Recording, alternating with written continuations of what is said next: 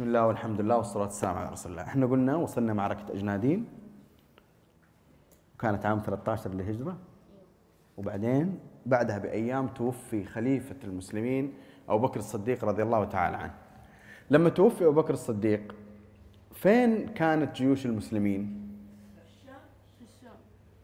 كثير يوم كانت جيوش المسلمين في الشام وين؟ وفين أيضا؟ في العراق وتتذكروا العراق لما تكلمنا عن المثنى. المثنى المثنى لما لما نزل المدينة وكان يطلب المدد من آه، أبو بكر الصديق أنه يرسل معاه جيش وكذا.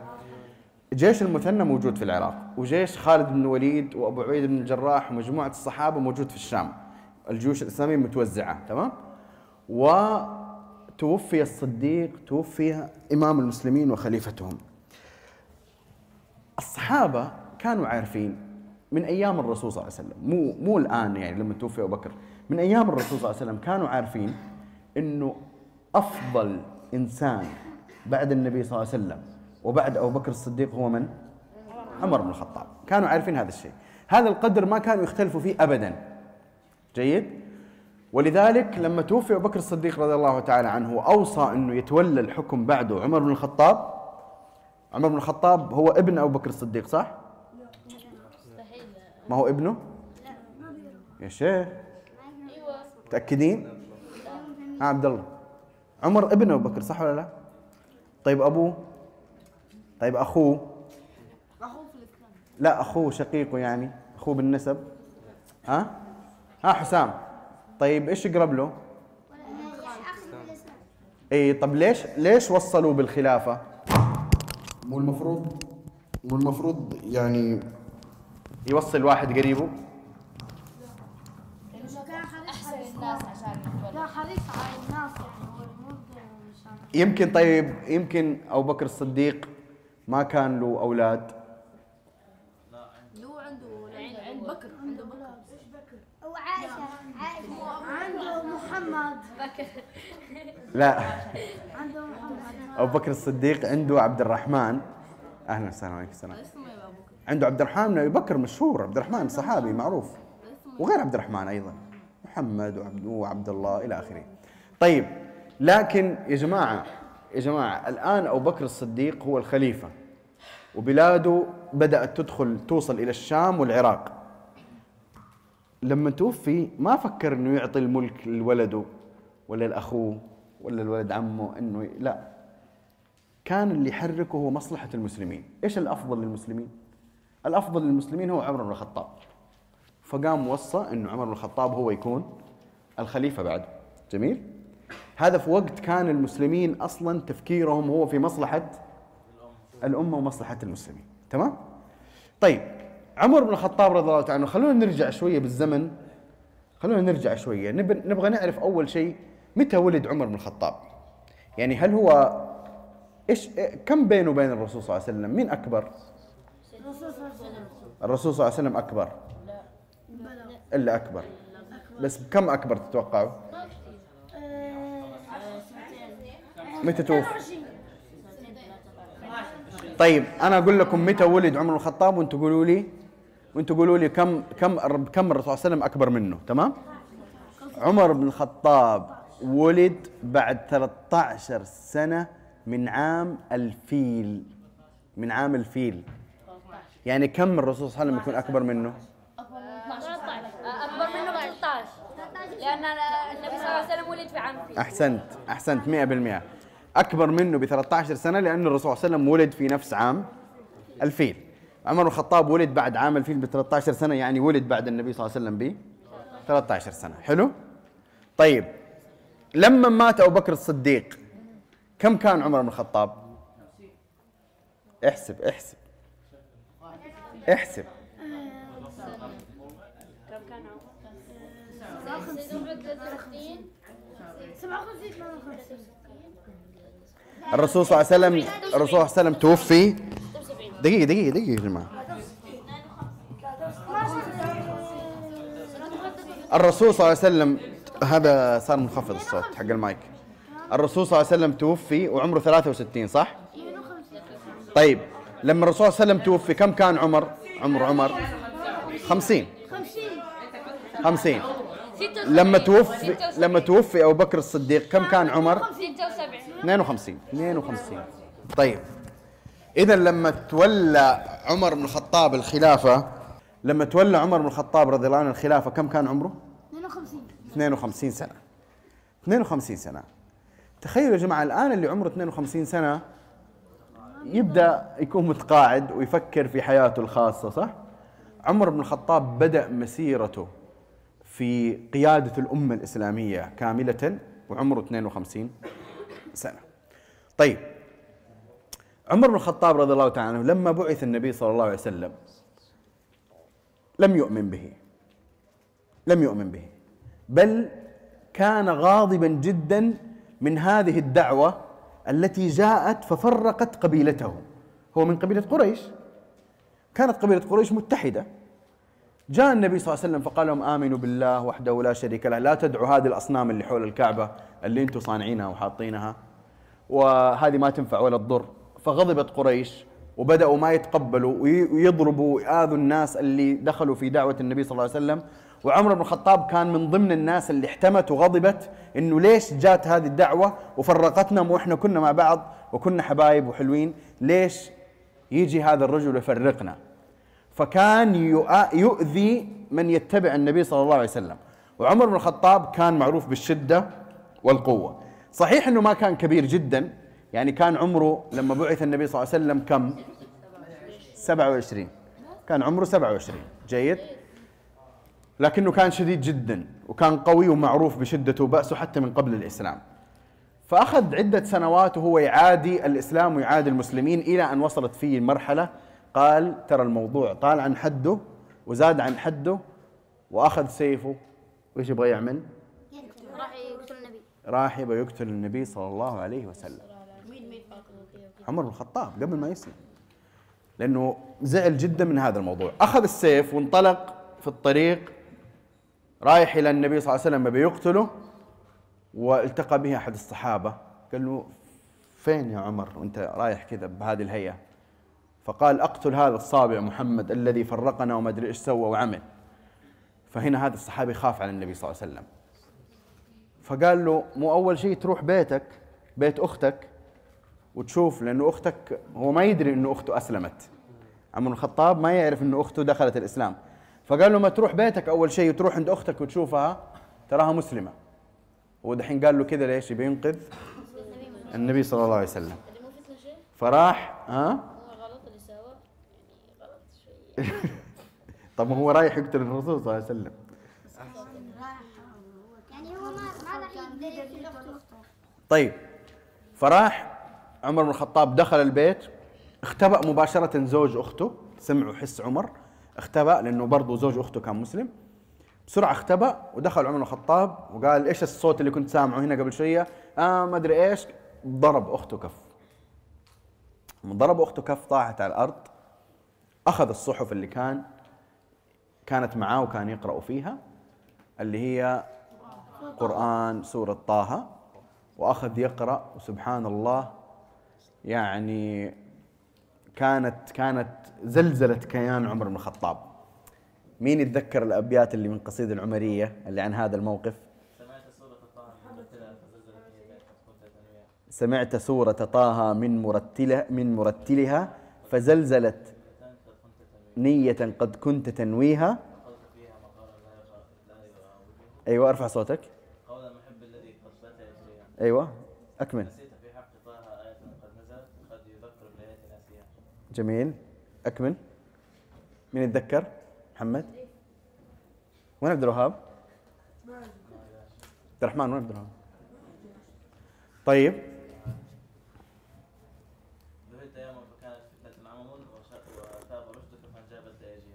طيب فين إسلام عمر؟ فصل إسلام عمر. السلام عليكم وبركاته. في في أبيات جميلة جدا في القصيدة العمرية. آم، حفظتها أنت؟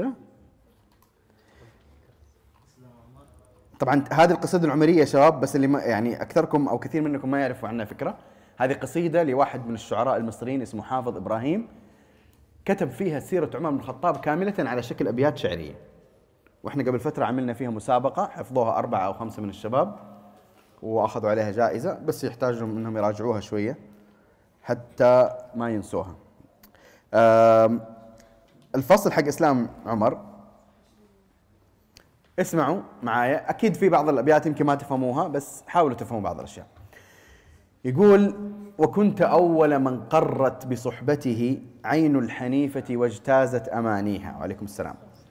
قد كنت أعدى أعاديها فصرت لها بنعمة الله حصنا من أعاديها.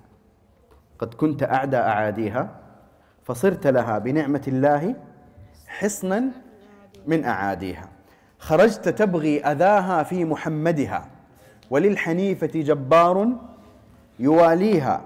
فلم تكد تسمع الآيات بالغة حتى انكفأت تناوي من يناويها. سمعت سورة طه من مرتلها فزلزلت نية قد كنت تنويها. وقلت فيها مقالا لا يطاوله قول المحب الذي قد بات يطريها. ويوم أسلمت ويوم أسلمت عز الحق وارتفعت عن كاهل الدين أثقال نعانيها وصاح فيها بلال إلى آخره. طيب الشاهد الشاهد يا شباب هو انه عمر بن الخطاب رضي الله تعالى عنه لما قرأ الآيات زلزلت كيانه وجعلته يسلم. وهذا هذا الأمر من إعجاز القرآن الكريم يوسف. يعني آه الإمام الخطابي في عنده كتاب اسمه بيان إعجاز القرآن. بيان إعجاز القرآن، جيد؟ آه يتكلم فيه عن نوع من إعجاز القرآن جميل جدا اسمه الإعجاز التأثيري. الإعجاز التأثيري يقول قال جملة جميلة جدا وفصيحة ور- ورائعة لفتت انتباهي كثيرا في وصف إعجاز القرآن التأثيري يقول عن القرآن يحول بين النفوس ومضمراتها. يحول بين النفوس ومضمراتها. مين فهم الجملة هذه؟ يعني مين اللي فهم الجملة كويس؟ يشرح لي إياها. يحول بين النفوس ومضمراتها. يعني بين النفس والضر ساعات بيقدر يغير شو كان بده النفس أيوة والعمل اللي كان بده صحيح جميل. آه حمزة إيش كمان؟ يعني يقول, يقول من تأثير القرآن أنه يتسلل إلى داخل النفس حتى يمنعها من الأشياء اللي كانت تقرر أنها تعملها يعمل بينها وبينها حاجز. ومنها إسلام عمر بن الخطاب رضي الله تعالى عنه لأنه كان ناوي يروح يقتل النبي صلى الله عليه وسلم فقلب ال- الآية تماما فبدل ما راح يقتل النبي صلى الله عليه وسلم راح يسلم. تخيلوا يا جماعة لمجرد آيات من القرآن سطوة القرآن بالضبط. طيب انطلق عمر بن الخطاب رضي الله عنه متوجها للنبي صلى الله عليه وسلم ليعلن إسلامه. لما أسلم الصحابة فرحوا فرح شديد جدا جدا جدا. في صحيح البخاري يعني هذا كلام صحيح وثابت واحد من الصحابة العظماء اللي كان جسمه ضعيف جدا. مين؟ تعرفوا مين؟ عبد الله بن مسعود. عبد الله بن مسعود. في صحيح البخاري يقول جملة مختصرة مختصرة ولكنها عظيمة. يقول ما زلنا أعزة منذ أسلم عمر. ما زلنا أعزة منذ أسلم عمر. حفظتها في صحيح البخاري صح؟ عن عبد الله بن مسعود. ما زلنا أعزة منذ أسلم عمر. جملة صح أنها صغيرة لكن حاولوا تضعوا الجملة أمامكم وتفتشوا فيما وراءها يعني هذه الجملة يا إبراهيم لو حطيتها أمامك ما زلنا أعزة منذ أسلم عمر هذه جملة كذا صح؟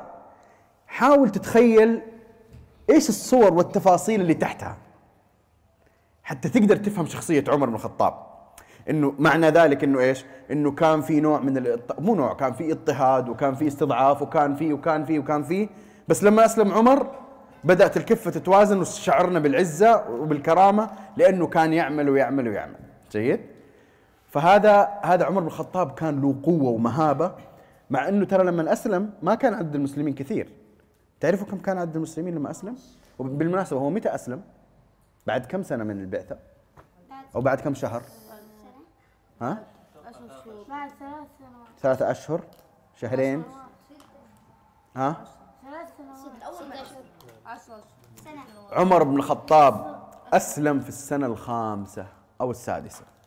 تخيل متأخر. ومع ذلك كان عدد المسلمين قليل. قال بعض أهل السير أنه عدد المسلمين لما أسلم عمر بن الخطاب كان قرابة الأربعين. بس بس قليل عدد قليل جدا. عمر بن الخطاب أسلم. سعد المسلمون وفرحوا وامتلأت قلوبهم حماسة وقوة بعد أن دخل في دين الله الفاروق عمر بن الخطاب. طيب نطوي الأيام شوية. إلين ما جات الهجرة تعرفوا الصحابة لما الرسول صلى الله عليه وسلم أمرهم بالهجرة صاروا ناس يهاجروا وهم مختفين حتى ما أحد يلحقهم من قريش ويمنعهم. عمر بن الخطاب راح تجهز ولبس سيفه وحمل أغراضه وقبل ما يهاجر راح طاف سبعة أشواط بالكعبة. وبعدين وقف في نص الكعب في نص ال- ال- المطاف وقال يا معشر قريش أنا مهاجر. تمام؟ أنا بروح. من أراد منكم أن تثكله أمه أو ييتم أولاده فليلحق بي وراء الوادي. تمام؟ اللي اللي مو ما يبغى أولاد يعني يبغى أولاده يفقدوا أو يبغى أمه تفقده تعال وراي. وراح عمر بن الخطاب وهاجر ولا ابن أمه ولا ابن أمه راح وراه هذه قوة وعزة كانت في عمر بن الخطاب رضي الله تعالى عنه. هذه القوة والعزة العجيب إنها أثرت مو بس في أبو جهل والمشركين من قريش أثرت أثرت لا لا من جهة الكفار. تتوقع أثرت في مين؟ في الكفار الكفار أبو لهب المطلب الحبشي أبو تجاوزت دائرة تأثير الإنس إلى الجن. إلى الجن. في الحديث الصحيح تحفظ يا سعد؟ والذي نفسي بيده ما رآك الشيطان. أيوه. الرسول صلى الله عليه وسلم يحلف يحلف العمر. يقول له والذي نفسي بيده ما رآك الشيطان قط سالكا فجا يعني طريقا إلا سلك فجا غير فجك. يعني الرسول صلى الله عليه وسلم يحلف العمر بن الخطاب يقول له يا عمر ما عمر الشيطان شافك في مكان في طريق إلا قال ابعد هذا عمر بن الخطاب موجود في الطريق هذا روح الطريق الثاني. حتى الشيطان حتى الشيطان صار يخاف من عمر رضي الله تعالى عنه. لكم أن تتخيلوا قوة المهابة والعزة والكرامة وكبرياء ال ال ال الاعتزاز بالإسلام التي كانت في عمر بن الخطاب رضي الله تعالى عنه. العجيب إنه هذه الشخصية أنت إيش تتخيل؟ يعني تخيل إنه هذه الشخصية راح تكون شخصية جبارة متكبرة آه ما يقابل أحد إلا يضرب. لا عمر بن الخطاب كان يحمل في طيات نفسه إنسانا رقيقا جدا إنسانا خاشعا إنسانا مخبتا إنسان كان يحن على المسلمين. لذلك يا عبد الله لما تولى الخلافة قبل ما يقتل بأيام تعرف عمر بن الخطاب قتل. عارفين إنه قتل صح؟ بعدين ناخذ إن شاء الله قصة مقتله. قتلوا واحد مجوسي حقير اغتاله اغتيال وهو يصلي. آه لكن قبل ما يقتل بأيام قبل ما يقتل بأيام وأنت أيضا سعد المفروض تكون حافظه لأنه هذا في صحيح البخاري لما قال آه لأدعن أرامل أهل العراق لا يحتجن لأحد بعدي. كان يكلم واحد من الصحابة يقول له لئن أحياني الله إبقاني الله أرامل أهل العراق النساء اللي أزواجهم ماتوا لأدعنهم لا يحتاجون لأحد بعدي. ما يحتاجوا لأحد لا يعطيهم فلوس. لا مدري إيش بعد بعد وجودي أنا. جيد؟ شوفوا شوفوا الرحمة بال- بالمسلمين وبالناس كيف كانت في عمر بن الخطاب رضي الله تعالى عنه. طيب عمر بن الخطاب رضي الله تعالى عنه أسلم وهاجر ومن يوم ما هاجر بدأ في مسيرة مصاحبة النبي صلى الله عليه وسلم استمرار في مسيرة مصاحبة النبي صلى الله عليه وسلم وفي المشاركة في الغزوات مع النبي صلى الله عليه وسلم. وليس فقط في الغزوات في كل شيء. حتى ارتبط اسم النبي صلى الله عليه وسلم في السيرة باسم صاحبيه. وهذا الكلام قاله الصحابة في وقت النبي صلى الله عليه وسلم أو في وقت مقتل عمر. لما قال ابن عباس قال دائما أسمع النبي صلى الله عليه وسلم يقول ذهبت أنا وأبو بكر وعمر وجئت أنا وأبو بكر خرجت أنا وأبو بكر وعمر حديث من؟ حديث آه، اظنه حديث عبد الله بن عباس. آه، ذهبت أنا علي أكيد. طيب المهم ذهبت أنا وأبو بكر وعمر وعدت أنا وأبو بكر وعمر جيد؟ ارتبط اسم عمر الخطاب بالنبي صلى الله عليه وسلم وهذا شرف يا جماعة شرف. أنت الآن لما يرتبط اسمك باسم واحد من العلماء أو واحد من قادة المسلمين إنه إنه صار مثلا هو يحبك ودائما أنت تكون معاه فأنت تفتخر إنه تقول الناس يقولوا والله فلان دائما مع مع هذا العالم أو مع هذا ال- القائد أو شيء. فتخيل عمر بن الخطاب كان مع النبي صلى الله عليه وسلم. وصار معروف إنه هو الصاحب صاحب الرسول صلى الله عليه وسلم. الرسول صلى الله عليه وسلم في نفس الوقت كان يبشره الله بأشياء لعمر. هاي محمد؟ الله سبحانه وتعالى يبشر النبي صلى الله عليه وسلم بأشياء لعمر أو يبشر عمر بأشياء عن طريق النبي صلى الله عليه وسلم. تخيل النبي صلى الله عليه وسلم ينام في المنام ويشوف عمر الخطاب. مرة وهذا حديث صحيح وأيضا حافظه يا سعد الرسول صلى الله عليه وسلم نام في المنام ورأى أنه في الجنة هو أنه النبي صلى الله عليه وسلم في الجنة. فرأى قصر فيه بفنائه جارية. ها رأى قصر في الجنة بفنائه جارية. تتوضأ. فقال النبي صلى الله عليه وسلم سأل فقال لمن هذا القصر؟ فقالوا لعمر. قال النبي صلى الله عليه وسلم فهممت أن أدخل القصر فتذكرت غيرتك. تذكر إنه عمر يغار وهو في جارية تابع القصر حق عمر. فتذكرت غيرتك فلم أدخل. فقال عمر الخطاب بأبي أنت وأمي أعليك أغار يا رسول الله؟ أو منك أغار يا رسول الله؟ أه فبكى. طيب فبكى. آه وهذا موقف يا جماعة تخيلوا تخيل, تخيل يا عبد الرحمن أنت تعيش وقت الرسول صلى الله عليه وسلم ويأتيك الرسول صلى الله عليه وسلم يقول لك أنا رأيت في المنام أني كنت في الجنة وأنه في قصر لك باسمك في الجنة. وتعرفوا أنه رؤى الأنبياء إيش؟ حقيقة رؤى الأنبياء وحي. تمام يا أنس؟ رؤى الأنبياء وحي. أيضا النبي صلى الله عليه وسلم مرة رأى رؤيا وقال رأيت أني أشرب من لبن فأعطيت فضلي لعمر.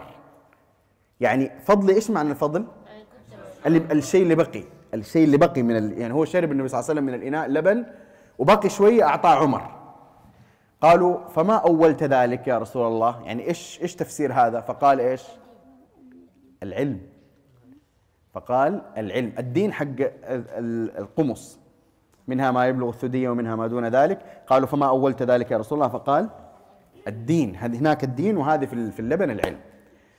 الرسول صلى الله عليه وسلم رآه في رؤية في الثوب إنه إنه الناس رأى النبي صلى الله عليه وسلم الناس كل واحد عليه ثوب مختلف. يعني في ناس ثيابهم قصيرة شوية شوية ورأى مر به واحد ثوبه طويل يجره. من هو هذا؟ عمر بن الخطاب. قالوا إيش تفسير هذا يا رسول الله صلى الله عليه وسلم؟ قال هذا الدين. إنه الناس اللي رآهم لابسين ثياب كل ثوب يدل على دين الإنسان تمام؟ اللي لابس هذا في المنام طبعا مو في الحقيقة. فعمر الخطاب من شدة دينه الثوب اللي كان له في المنام ثوب طويل يجره. جيد؟ ونفس الشيء اللبن اللي شربه النبي صلى الله عليه وسلم وأعطاه لعمر في المنام إيش هذا؟ فقال العلم. ونفس الشيء القصر اللي رآه النبي صلى الله عليه وسلم لعمر وقال هذا قصر عمر ولم يدخله لأنه رأى في فنائه جارية تابعة القصر وغا وخشي النبي صلى الله عليه وسلم من غيرة عمر بن الخطاب رضي الله تعالى عنه. لكم أن تتخيلوا هذه بل هناك أشياء أعجب من هذه. وهي أن عمر بن الخطاب كان يتكلم عن بعض المواقف في السيرة. يعني مثلا يصير حدث معين فيبدي رأيه فينزل الوحي من السماء من عند الله سبحانه وتعالى على النبي صلى الله عليه وسلم تأييدا لرأي عمر. وحافظين القصيدة العمرية المفروض أنه ذكر هذه الأشياء واللي حافظ صحيح البخاري يا سعد وافقت ربي في ثلاث تمام ويذكر عمر بن الخطاب إنه إنه هو قرر أشياء ثم نزل الوحي تاكيدا عليها في عدة مواقف منها في الحجاب كان عمر بن الخطاب قبل ما يفرض الحجاب تعرف أول ما بعث النبي صلى الله عليه وسلم ما كان في حجاب النساء صح؟ عمر بن الخطاب من داخل نفسه كان يتمنى إنه ينفرض الحجاب تمام؟ وكان آه، لما موقف سودة قال قد عرفناك يا سودة إلى أن نزل الحجاب نزل فرض الحجاب. وأيضا في أسرى بدر. في أسرى بدر. وكذلك في الخمر. الخمر يعني كان آه، الحديث الآخر اللي هو لو بينت لنا بيان شافين إلى آخره. واتخذ من مقام إبراهيم مصلى صح؟ لأنه كان كان يقول لو اتخذنا من مقام إبراهيم مصلى فنزل القرآن واتخذوا من مقام إبراهيم. مصلى. وهذه مق- مقام عظيم جدا مكان عظيمه جدا لعمر بن الخطاب إنه الله سبحانه وتعالى ينزل الوحي من السماء تأييدا لكلامه لكلام عمر بن الخطاب. لذلك النبي صلى الله عليه وسلم قال وهو حديث في البخاري أيضا يحفظ سعد قال قد كان في من قبلكم من الأمم محدثون فإن يكن في هذه الأمة فعمر. محدثون ملهمون. ملهم ملهم. يعني ملهم يعني مو وحي بس إلهام. جيد؟ يعني يعني يسدد وي- ويؤيد وي- وي- ويلهم بأشياء. فالرسول صلى الله عليه وسلم يقول قد كان في من قبلكم الأمم محدثون فإن يكن في هذه الأمة فعمر. جيد؟ وهذا مكانة عظيمة جدا لعمر الخطاب. مواقف عمر بن الخطاب كثيرة جدا. في غزوة بدر له مواقف مشهورة مع الأسرة. في غزوة أحد شارك مع النبي صلى الله عليه وسلم وكان من القلة اللي ثبتوا مع النبي صلى الله عليه وسلم. تعرفوا تتذكروا تتذكروا تفاصيل أحد اللي أخذناها؟ في بجهاز الثقافة ولا نسيتوها؟ حافظينها؟ تمام. في غزوة أحد تعرفوا بعد ما التف خالد بن الوليد وحصلت الهزيمة في المسلمين النبي صلى الله عليه وسلم انسحب إلى إيش؟ إلى الشعب اللي في الجبل. جيد؟ من اللي سحبوا معاه وكانوا معاه في, في, في الأحداث هذه عمر بن الخطاب رضي الله تعالى عنه. جيد؟ تعرف إيش صار يا أسامة صح؟ تتذكر؟ لما لما طلع أبو سفيان ينادي فقال أفيكم محمد؟ الرسول صلى الله عليه وسلم قال لا تجيبوه لأن هم ما يعرفوا قتل الرسول صلى الله عليه وسلم ولا ما قتل؟ الرسول صلى الله عليه وسلم كان يبغى المعلومات هذه ما تخرج. أفيكم محمد؟ الرسول صلى الله عليه وسلم قال لا تجيبوه. ما حد تكلم أفيكم أبو بكر؟ ما حد تكلم ما حد جاوب. أفيكم ابن الخطاب؟ ليش هو اختار الأسماء هذه الثلاثة؟ هم خلاص هو الرسول صلى الله عليه وسلم طبعا هو الإسلام الرسول صلى الله عليه وسلم تمام؟ بس ما اختار من كل الجيش إلا هذول الاثنين. أفيكم أبو بكر أفيكم معاذ لأنه يعرف إنه هذول الصحابة الاثنين هم خلاصة الأمة الإسلامية. جيد؟ أفيكم أبو بكر؟ حد يجاوب. المهم هم هم بجوار الرسول صلى الله عليه وسلم. جنب أبو بكر وعمر. الصحابة اللي ثبتوا معاه. فقال أبو سفيان أما هؤلاء فقد قتلوا. هنا مؤشر الغضب عند عمر بن الخطاب ارتفع ارتفع ارتفع مع أن الرسول صلى الله عليه وسلم قال لا حد يتكلم. قال إن هؤلاء أحياء وقد أبقى الله لك ما يسوءك. ما قدر يتحمل يسكت. قال له يعني ما ما قتل ولا شيء بأحياء وراح تشوف اللي اللي تكرهه بإذن الله. جاي ما ما استطاع يتحمل عمر يعني فبعدين آه، صر- صرخ أبو سفيان فقال يوم بيوم بدر يعني هذا انتصرنا يوم بيوم بدر يعني فقال النبي صلى الله عليه وسلم إيش؟ إيوه لا تجيبون إيش اجابوا؟ قولوا إيش؟ الله مولانا ولا لكم ها؟ الله مولانا ولا مولى لهم أو الله مولانا ولا مولى لكم. ثم وفيها قتلانا في الجنة وقتلاكم في النار. لا سواء قتلانا في الجنة وقتلاكم في النار. المهم إنه كان هذا موقف من مواقف الثبات الكبيرة لعمر بن الخطاب في في غزوة أحد. في الخندق أيضا كان له مواقف معروفة ومنها أنه جاء غضبان عند النبي صلى الله عليه وسلم فقال يا رسول الله هل صليت المغرب؟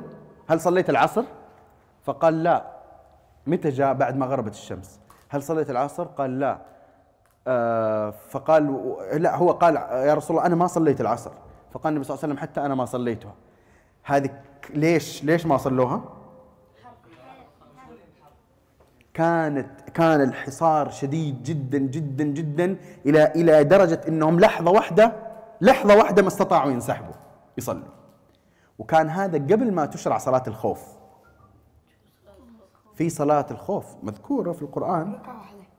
مذكورة في القرآن. لها هيئة معينة إنه ينقسموا جماعتين والإمام ثابت وهذول يصلوا معاه ركعة وبعدين كذا. لها لها طريقة معينة يعني ممكن ممكن بعدين نأخذها لأن لها تفصيل يعني ولها أكثر من صيغة. يعني وارد النبي صلى الله عليه وسلم أكثر من صيغة لصلاة الخوف وليست واحدة. إن شاء الله. فهذه قبل ما تشرع صلاة الخوف. لو كانت شرعت صلاة الخوف كان صلوها. في صلاة العصر بس ما كانت شرعت وما يقدروا يصلوا ما يقدروا. فالنبي صلى الله عليه وسلم غضب جدا جدا فقال دعا على المشركين. فقال ملأ الله قبورهم وبيوتهم نارا كما شغلونا عن صلاة الوسطى. اللي هي صلاة العصر. أيوة. آه عمر الخطاب هو اللي كان حاضر في هذا المشهد إنه كان زعلان جدا إنه ما قدر يصلي العصر. طبعا هذا في شدة الحرب وزعلان. دحين في ناس في ناس يفوتوا صلاة العصر وهم لا في حرب ولا في حصار ولا في قتال ولا في أي حاجة. يا نايمين يا جالسين يلعبوا والله المستعان. طيب تتذكروا موقف عمر بن الخطاب اللي أخذناه في صلح الحديبية؟ لما صار الصلح وبعدين جاء النبي صلى الله عليه وسلم فقال يا رسول الله ألسنا على الحق وهم على الباطل؟ ألسنا على الحق على الباطل؟ فلماذا نعطي الدنية في ديننا؟ تتذكروا؟ طيب وبعدين آه، استمر مع النبي صلى الله عليه وسلم إلى أن جاءت وفاة النبي صلى الله عليه وسلم. وتتذكروا يمكن أخذنا قصته لما جاء فقال لم. لم يمت النبي صلى الله عليه وسلم. و من يقول أن النبي محمد صلى الله عليه وسلم مات؟ أيوه اللي يقول إنه النبي صلى الله عليه وسلم مات يا ويله. فصعد أبو بكر الصديق وقال إن إن من كان يعبد محمدا فإن محمدا قد مات. فإن محمدا قد مات. ومن كان يعبد الله فإن الله حي فإن الله حي لا يموت. ثم قرأ قول الله تعالى ما كان محمد وما محمد إلا رسول قد خلت من قبله الرسل. أفإن مات أو قتل انقلبتم على أعقابكم؟ ومن ينقلب على عقبيه فلن يضر الله شيئا. عمر بن الخطاب لما سمع هذه الآية؟ لا. لما سمع هذه الآية انتبه انتبه إنه من جد الرسول صلى الله عليه وسلم مات. لما استوعب هذه الحقيقة أول شيء صار فيه إنه رجوله اللي كان قائم عليها ما صارت توقفه. فجثى على ركبتيه مباشرة. ما استطاع يتخيل حجم الفقدان اللي ممكن يفقد عمر بن الخطاب رضي الله تعالى عنه. فجثى على ركبتيه وأدرك أن النبي صلى الله عليه وسلم مات وحزن حزنا شديدا جدا. ولكن مع ذلك مع حزنه الشديد ومصيبته الكبيرة إلا أنه استطاع يتجاوز الصدمة وراح الموقف اللي أيضا أخذته في سقيفة بني ساعدة تذكروا؟ لما صارت البيعة آه آه، أيوة لما جاء عند أبو بكر وقال أبسط يدك وبايعوا و أيوه الناس كلهم بايعوا. بعدين لازم عمر بن الخطاب صار ملازم لمين؟ لأبو بكر الصديق وهو خليفة دائما معاه دائما معاه. أكثر واحد يستنير برأيه أو الخليفة الصديق أكثر واحد يستنير برأيه هو عمر. أكثر واحد سواء في الأمور العسكرية لأنه جيوش تعرف كانت في الشام وفي العراق أو في جمع القرآن جمع القرآن هو اللي اقترحه أصلا عمر. عمر هو اللي اقترح جمع القرآن على ابو بكر الصديق بعد معركه اليمامه يا سلام عليك. فعمر بن الخطاب كان مقرب جدا من أبو بكر الصديق إلى أن توفي أبو بكر الصديق رضي الله تعالى عنه وأوصى له ب بالخلافة. أوصى له بالخلافة. تولى عمر بن الخطاب الخلافة ولما تولى الخلافة رضي الله تعالى عنه صارت دولة الإسلام مهيبة. وعظيمة جدا جدا جدا. وكان يسير على سياسة عجيبة سواء فيما يتعلق بتعامل مع الولاة كان شديد مع الولاة اللي يوليهم. يعني مو إنه هو ولى أحد واحد من الأمراء خلاص لا. يولي واحد من الأمراء تجي عليه شكوى يا ويله. من الناس تجي عليه شكوى من الناس يشتكوا على الأمير حتى لو كان صحابي كبير. حتى لو كان صحابي كبير. جيد. هو ولى معاوية على الشام لا ما عزله ولاه ولاه على الشام وهذا من أكبر التزكيات لمعاوية. تعرفوا الطعن في معاوية وكذا؟ أكثر صحابي عنده نظر ثاقب في من الذي يصلح للولاية هو عمرو بن الخطاب. جيد؟ فولى فولى معاوية وهذه تزكية كبيرة جدا لمعاوية رضي الله تعالى عنه. المهم إحنا راح ناخذ إن شاء الله في الحلقات القادمة أو في البرامج في الجلسات القادمة آه تفاصيل لأنه إحنا اليوم بنتكلم مو عن خلاف عن عن يعني إيش سوى عمر بعد الخلافة لأنه هذه أحداث حتيجي بس إحنا كنا نتكلم عن شخص عمر بن الخطاب اللي هو الآن تولى الخلافة طبعا في عهده في عهده إيش فتحت؟ أكبر إنجاز أكبر إنجاز إنه سق سقطت الإمبراطوريتين الكبريتين في في خلافته. إمبراطورية فارس وامبراطوريه الروم. انتهت. انتهت. تمام؟ وفتح فتحت القدس في وقته وهو ذهب بنفسه ودخل فتحها. وفتحت مصر في وقته. وليبيا. وفتحت فتحت أذربيجان. وإيران وأجزاء من أفغانستان. جيد. وتركمانستان. لا فتحت أجزاء من أفغانستان. لا خلينا من الصين. ما أتكلم عن الصين. ما أتكلم. لا الصين حتى قبل الدولة العباسية. وصلت جيوش المسلمين إلى الصين في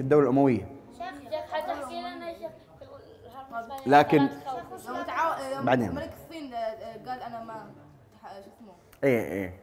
لكن عموما عموما آه، فتحت كل هذه البلدان في وقت عمر بن الخطاب. جيد؟ وكان عادلا جدا. إلى آخره حناخذ إن شاء الله نكمل في موضوع الفتوحات إلى أن قتل عمر بن الخطاب. لما قتل عمر بن الخطاب يصف أحد الصحابة آه، أحد اللي كانوا في المدينة اللي هو عمرو بن ميمون تقريبا. يصف المشهد يقول يعني يعني بس أنتم شوفوا الجملة هذه اللي يصف فيها إيش الأثر على مقتل عمر أثر مقتل عمر على الناس في المدينة. عشان تفهموا إيش كان دور عمر. إيش يقول؟ عمرو بن ميمون يقول فلما مات عمر كأن الناس لم يصابوا بمصيبة قبل ذلك. كأن الناس لم يصابوا بمصيبة قبل ذلك. هذا معناها أن عمر بن الخطاب فعلا فعلا كان كان رجلا عظيما حقا. كان كان حامي الإسلام في تلك الحقبة. وصل اللهم. على نبينا محمد وعلى آله وصحبه أجمعين.